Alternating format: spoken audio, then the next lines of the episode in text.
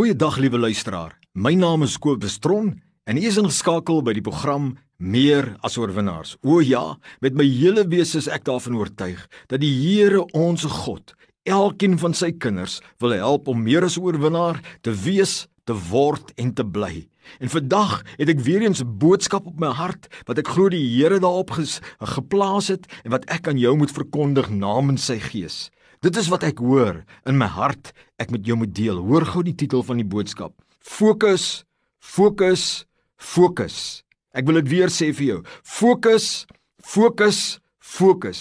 Jy kan nie bekostig om nou jou fokus te verloor van die hooftaak wat die Here God aan jou verleen het en gedelegeer het om te doen nie. Jy kan nie op 'n side track gaan nie. Jy kan nie toelaat dat jy verlei word en in 'n verkeerde weg gaan nie. Jy moet uitvoer dit waarmee jy besig was. Daardie hoofding waarmee jy veronderstel is om 80% besig te wees en 20% op die ander, jy moet daardie prioriteit behou. Asseblief, moenie toelaat dat jou vyande of jou vyand, die bose mag en deur ook omstandighede, goed of sleg, jou van jou hoofwerk en jou hooftaak waarvoor jy aangestel is af te kry, weg te neem nie.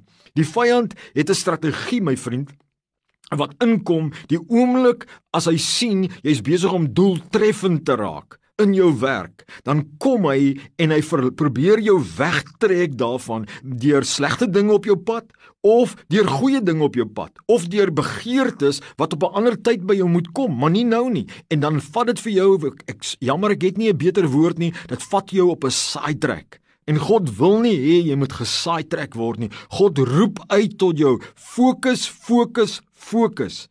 Jy moet asseblief aanhou om te fokus om te doen dit wat jy oorspronklik gekommit het om te doen.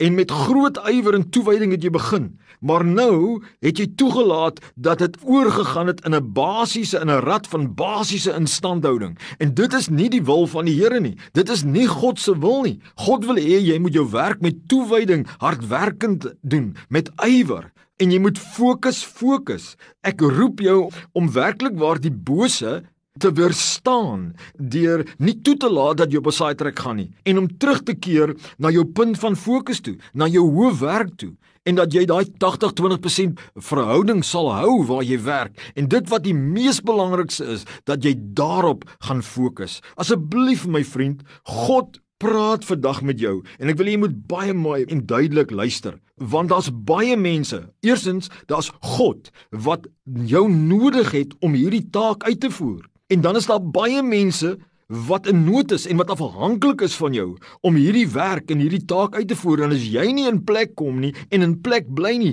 dan val ander mense af, dan kan ander mense nie hulle take doen nie. Daarom roep die Here vir jou en hy sê fokus, fokus, fokus.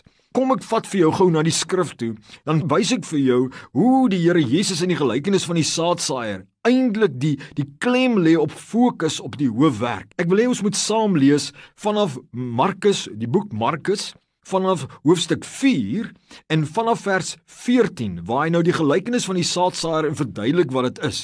En ek wil hê loop saam met my deur hierdie skrifte en kyk hoe die Here herhaaldelik waarsku dat ons moet fokus en kyk hoe Satan se plan is daar om jou fokus te verloor en te laat tou opgee met waarvoor jy geroep is om te doen.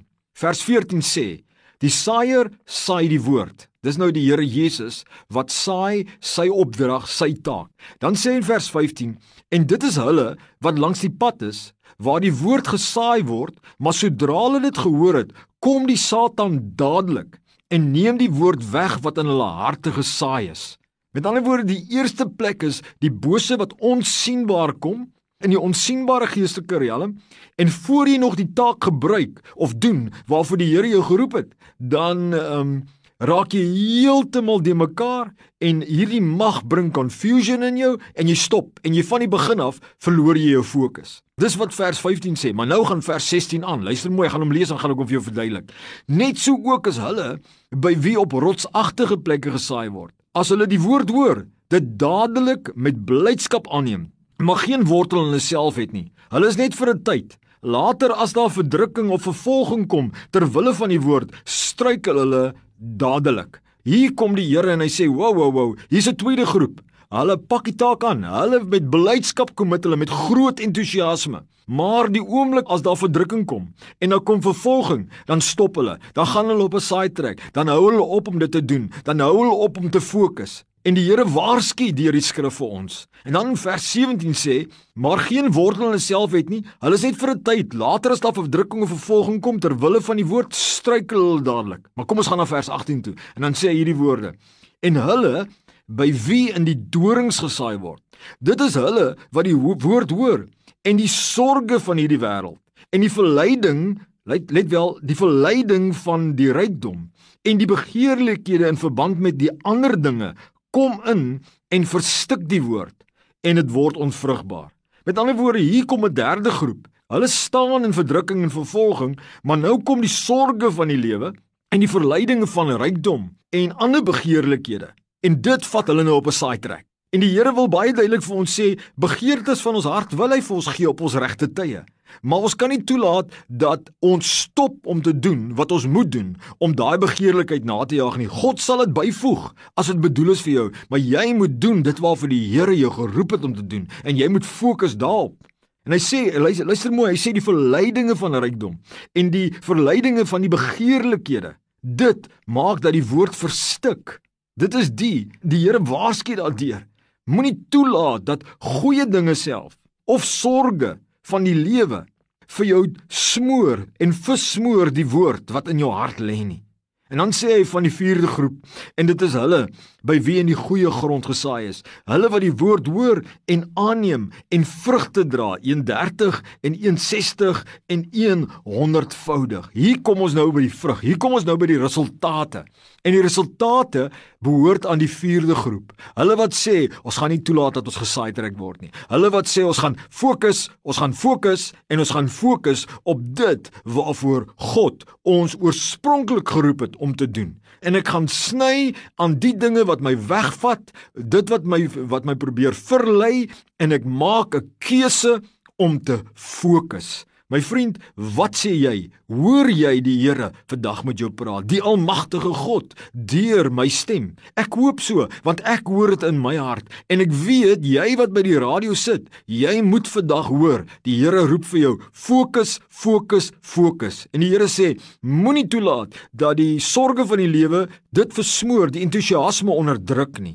Moenie toelaat dat rykdom of sekere posisies of begeerlikhede jou verlei om dit te bereik nie. God sal vir jou toevoeg op die regte tyd. Reg, maar dit gaan kom, jou vrug en jou resultate, jou sukses, jou uitkomste gaan kom soos jy volhard en jy bly gefokus op waarvoor God jou geroep het.